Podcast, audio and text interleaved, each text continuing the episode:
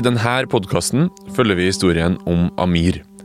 En gutt med norsk mor og pakistansk far, som i mye av oppveksten bodde på Bømlo, i havgapet utafor Stord på Vestlandet. I starten av fortellinga var han en tenåringsgutt som var komplisert, og som igjen og igjen havna i trøbbel med politiet. Men i 2009 så flytta han altså inn hos en veldig ung fosterfar, på bare 25 år. Fosterfaren virka å og få et nært og tett forhold til Amir. De to bodde sammen i en toetasjes leilighet i Stavanger sentrum. Her kunne Amir være seg sjøl. Men etter to år i fosterhjemmet, i mars 2011, så krangla de to.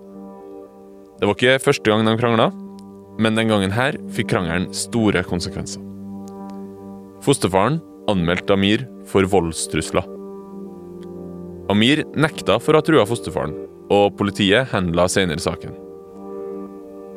Etter anmeldelsen dro Amir fra fosterhjemmet.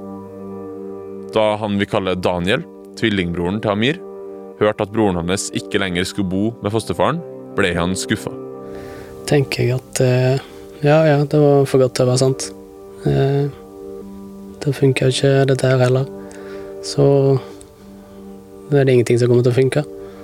Det var det jeg tenkte. Tenkte dette er Amir sin feil, og Amir som eh, som dreit seg ut igjen. Litt etter at Amir stakk fra fosterhjemmet, så ringte han til advokaten sin, Brynjar Meling. Samtalen var veldig kort. Amir var veldig oppjaga. Han var eh, på gråten. Eh, og jeg fikk sagt eh, hvis det har skjedd noe, så må du fortelle det. Eh, så sier han noe sånn som at det er ingen som vil tro på en jævla pakkis allikevel. Amir la på. Meling prøvde å ringe tilbake, men telefonen var slått av. Da han prøvde igjen seinere, fikk han beskjed om at telefonen ikke lenger var i bruk. Det skulle gå mange år før Amir sa rett ut hva det var han mente at ingen ville tro ham på.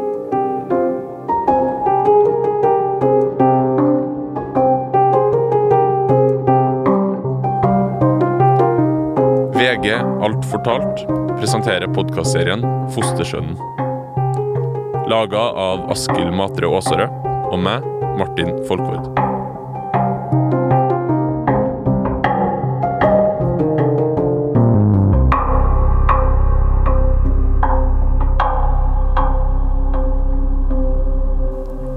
Episode to av fem. Ingen vil tro på en jævla pakkis.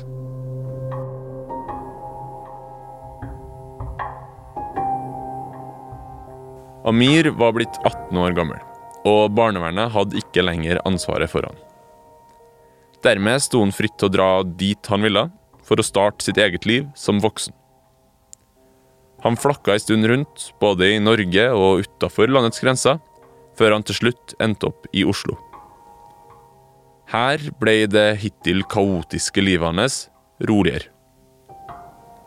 Han bodde i et kollektiv hvor han trivdes. Han fikk seg jobb på Grünerløkka på Deli de Luca. Og han fikk seg en kjæreste som han etter hvert flytta sammen med. Ting virka i det hele tatt som om de endelig gikk hans vei. I hvert fall i ei lita stund.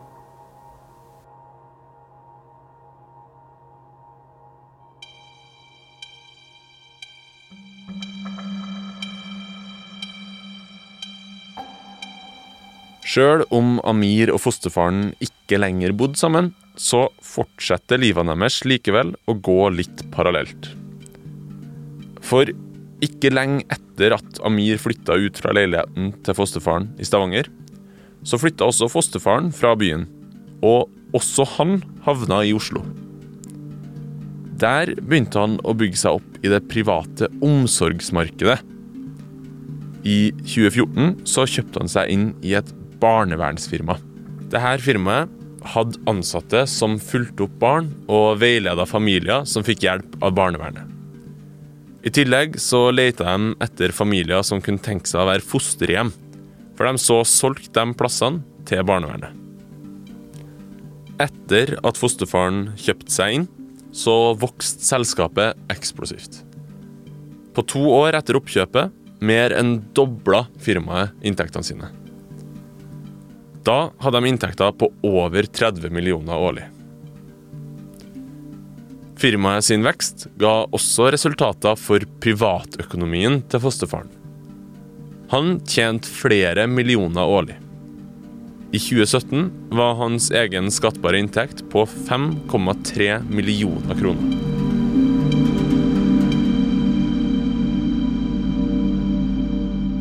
Samtidig som fosterfaren gjorde det stadig bedre med bedriften sin, så var det slutt på den korte, rolige perioden i Amir sitt liv. I 2017 hadde han for lengst mista jobben sin på Deli de Luca. Nå var han arbeidsledig. Amir opplevde at han ikke mestra noe som helst, fortalte han til en psykolog som han gikk til. Om netteren sleit han med mareritt om hendelser fra oppveksten.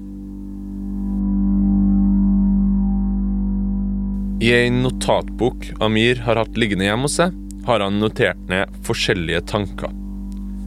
Noen ganger setninger, andre ganger bare enkeltord. Notatboka er udatert, så vi vet ikke akkurat når han har skrevet inn. Men der står annet ordene angst, usikkerhet, tvil, anspenthet. Han har også skrevet noen helt korte setninger. Oppsøk familie. Tør å være glad. Rette valg.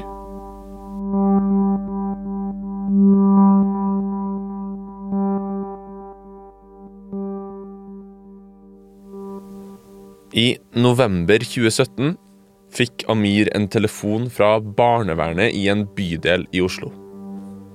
Den telefonsamtalen kom til å endre alt. De hadde nemlig fått høre en alvorlig påstand om den tidligere fosterfaren, som de lurte på om Amir kunne bekrefte. Det er etter den telefonsamtalen at Amir tidlig på morgenen etter ei søvnløs natt ringer fosterfaren. De to, som ikke har hatt noe med hverandre å gjøre på mange år, avtaler å møtes på en bar på Grønland i Oslo. På denne kalde dagen er 24 år gamle Amir omtrent like gammel som fosterfaren var da de to flytta sammen. Ved et bord inn på baren venter det tidligere fosterbarnet i 40 minutter. Så kommer fosterfaren inn og setter seg ved han. Går det bra med deg? Som du kanskje husker fra forrige episode, så gjorde fosterfaren et opptak av denne samtalen med Amir. Seinere skrev han ned hva som ble sagt på opptaket. Det du skal få høre nå, er ikke sjølve opptaket, men flere korte utdrag fra det fosterfaren har skrevet ned. Rekonstruert ord for ord. Den samme transkriberinga som du her får høre utdrag fra, har seinere blitt lagt fram som bevis i Oslo tingrett. Mannen du hørte først, var fosterfaren. Det her er Amir. Jo, bra med meg. Overlever jeg. Fosterfaren ga avskrifta til politiet fordi han mente at opptaket var et bevis på at Amir prøvde å presse han for penger. Ja, jeg er litt sånn nysgjerrig på hva det er. Ja, du har ingen mistanke. Amir forteller at han har blitt kontakta av barnevernet, og at dem har stilt han spørsmål om fosterfaren.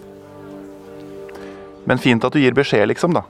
Det handler ikke om å gi beskjed. Jeg vil ikke advare deg mot noe. Jeg vil gjerne snakke med deg. Samtalen mellom dem er, som hele relasjonen mellom dem to, kompleks. Amir virker sint på fosterfaren, for så i neste setning å takke han. Jeg tøyser ikke med deg. Har aldri lagt et vondt ord om deg noen plass. Det dritet som skjedde mellom oss, forblir mellom oss. Jeg føler jeg skylder deg en liksom, for du du, selv om det ikke var kult sånn som det endte, du var den eneste som Jeg hadde vært skikkelig fucked hvis ikke Det var ikke bare det at du la om livet ditt for å få det til. Jeg er evig takknemlig for det. Samtalen går frem og tilbake mellom dem to i baren. Amir hinter til at fosterfaren burde forstå hvorfor barnevernet har ringt han. Jeg skjønner ikke helt hvor du vil hen nå. Du snakker litt i koder. Jeg forstår ikke helt. Men jeg skjønner ikke hvorfor vi er nødt til å oppføre oss som unger. Til slutt sier Amir det rett ut. Du vet like godt som meg at du hadde en fremtreden mot meg over flere år som var upassende. Forstår ingenting, jeg. Men du må bestemme selv. Det er mye som skjer som ikke jeg forstår. Det er på en måte ikke så mye jeg kan gjøre med det. Du skjønner det at hvis jeg prater med dem, så har de trolig nok fra før av. Det at de kan frata deg retten til å jobbe med barn og ungdom noen gang. Jeg har ikke gjort noe galt, sier fosterfaren flere ganger. Men litt senere i samtalen fortsetter Amir. Jeg får ta det direkte, da. Du har øvd gjentatte ganger antastet meg uten at jeg Nei, Hør på meg nå. nei, dette vil jeg ikke høre på. Jeg skjønner det er ubehagelig. Nå må jeg gå. Fosterfaren reiser seg og går ut. Amir følger etter. De to fortsetter å snakke. Vet ikke hvor langt inn i fornektelsen du er. Sånn som du reagerer, så får du meg til å tvile på deg. Poenget mitt er at jeg ikke er ute etter å ta deg for noe du ikke har gjort. Amir, jeg har ikke gjort noe galt. Krangelen går frem og tilbake mellom dem to. Så sier Amir. Se for deg situasjonen for meg, da. Skjønner det er mye for deg her, men se på meg. Du har i hvert fall penger på konto. Jeg sitter bare der som en loser. Hva gjør du nå, da? Driver med? Ingenting. Gitt opp livet. Diskusjonen fortsetter på gata på Grønland. Der forteller Amir konkret hvordan han mener fosterfaren forgrep seg på han seksuelt. VG går ikke inn i detaljene i denne beskrivelsen. Fosterfaren svarer Amir med å nekte for det. Nei, det har jeg aldri gjort. Kom an, da. Vi kan være menn begge to. Jeg vil ikke at du skal si sånn. Det er ekkelt. Men du sier sånn, jeg har prøvd å pakke det inn for deg, men hvis du ikke klarer å ta det, da, hjelper det å være mer direkte? Amir, jeg vil ikke dette. Jeg vil ikke snakke sånn om dette. Du kan vel gi meg et svar? Det er ikke noe å svare for. Føler ikke at jeg har noe å svare for. Mener du at det aldri har skjedd? Ja, jeg mener det aldri har skjedd noe galt mellom deg og meg. Jeg mener det har skjedd uheldige ting, som slåss og store konflikter. Men, og, og det mener jeg er synd.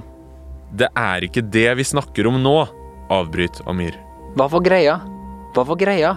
Var du forelsket? Hva var det for noe? Jeg forstår ikke. Jeg vil bare vite, jeg vil bare vite. Herregud. Jeg vil bare vite. Fosterfaren prøver å gå videre mens de snakker. Men den breiskuldra Amir stenger veien for han. Jeg var din fostersønn. Jeg var under din omsorg. Overall var det fint. Du behandla meg jævlig godt. Du brydde deg om meg. Stopp nå. Stopp nå. Etterpå skal du få gå og aldri se meg igjen. Trenger ikke å tenke på meg engang. Men du skal vite at dette er noe som plager meg. Som har ettervirkninger på meg. Kan jeg ikke i hvert fall få et svar? Jeg skjønner ikke på en måte hvor du vil hen. De to går videre. Amir forteller fosterfaren at han ikke sover om natta. Det er ikke ok. Det er ikke rettferdig. Du står her og kan gi meg peace of mind. Så vil du ikke det engang. Jeg vet ikke hva du vil. Du kan gi meg et svar. Jeg vet ikke hva jeg skal svare på. De står overfor hverandre på gata. Trafikken bruser i bakgrunnen. Så går de to hver til sitt. Amir får ikke noe svar.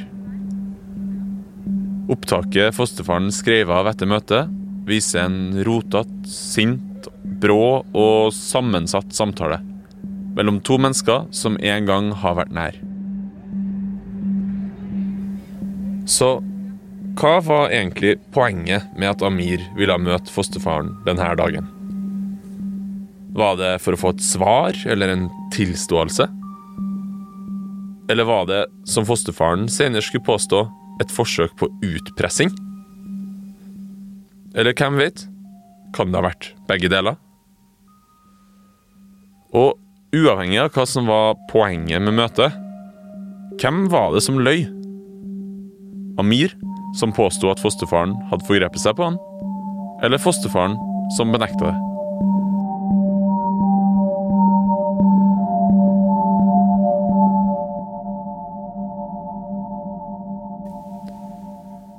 Dette møtet på Grønland var ikke første gang Amir snakka høyt om påståtte overgrep fra fosterfaren. I flere år før møtet hadde han fortalt det samme. Til kjæresten sin, til den tidligere advokaten sin, til familiemedlemmer. Det siste året hadde han også i flere psykologtimer fortalt at han ble utsatt for seksuelle overgrep da han bodde hos fosterfaren. Det viser utdrag fra journalen hans, som VG har fått innsyn i.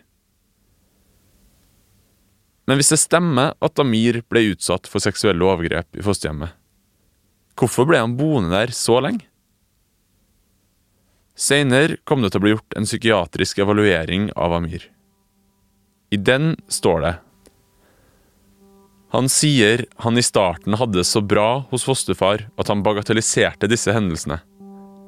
Han sier han følte det som en bagatell å bli seksuelt misbrukt én gang i uken, i forhold til det å sitte på en institusjon hele tiden, for det hadde han opplevd over mange år.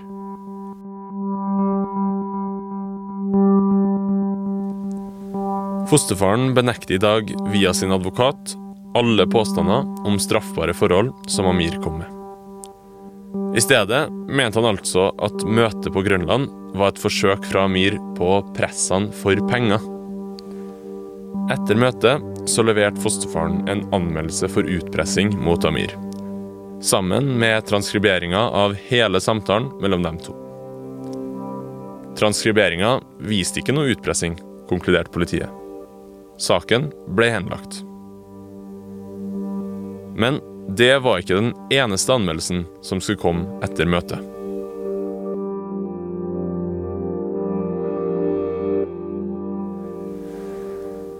Du husker kanskje at det var en telefonsamtale til Amir som utløste møtet på Grønland.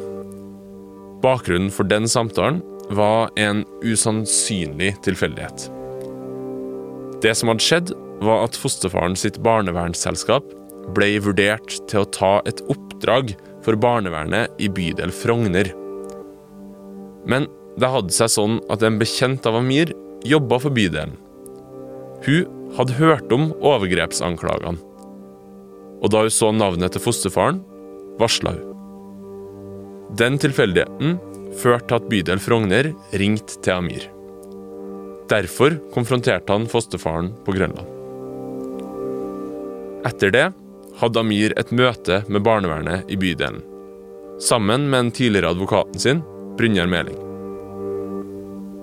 Amir ble bedt om å anmelde, men han var ikke sikker på om det var rett for han å gjøre. Faktisk så var han engstelig for hva som kom til å skje videre, kommer det fram i psykologjournalen hans. Det hele endte med at barnevernet anmeldte fosterfaren. Eh, han er veldig prega. Eh, Det her er Amir sin tidligere advokat Brynjar Meling.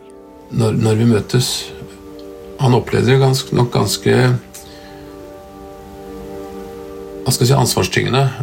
For at fosterfaren eventuelt skulle kunne dømmes, så måtte Amir fortelle sin historie i retten. Men om vi skal tro tvillingbrødrene Daniel og Amir, så var det noen som var villig til å legge mye penger på bordet for å få saken til å forsvinne.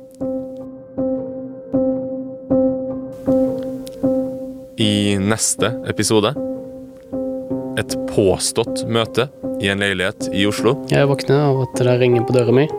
som tvillingene Daniel og Amir og politiet mener skjedde 8.2.2019, Tidlig på morgenen. men som fosterfaren med støtte fra Oslo tingrett sier at aldri fant sted.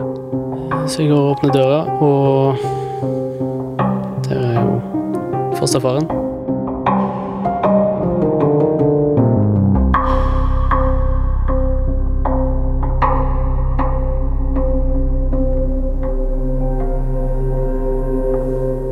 Podkastserien Fostersønnen er laga av Askild Matre Aaserød og meg, Martin Folkvord. Musikken er spesialkomponert av Ronny Furuvik. Fotojournalist i tekstsakene er Tore Kristiansen. Design av Jonas Nilsson. Promotrailer av Jonathan Falk Systad. Ansvarlig redaktør for Alt fortalt er Gard Steiro.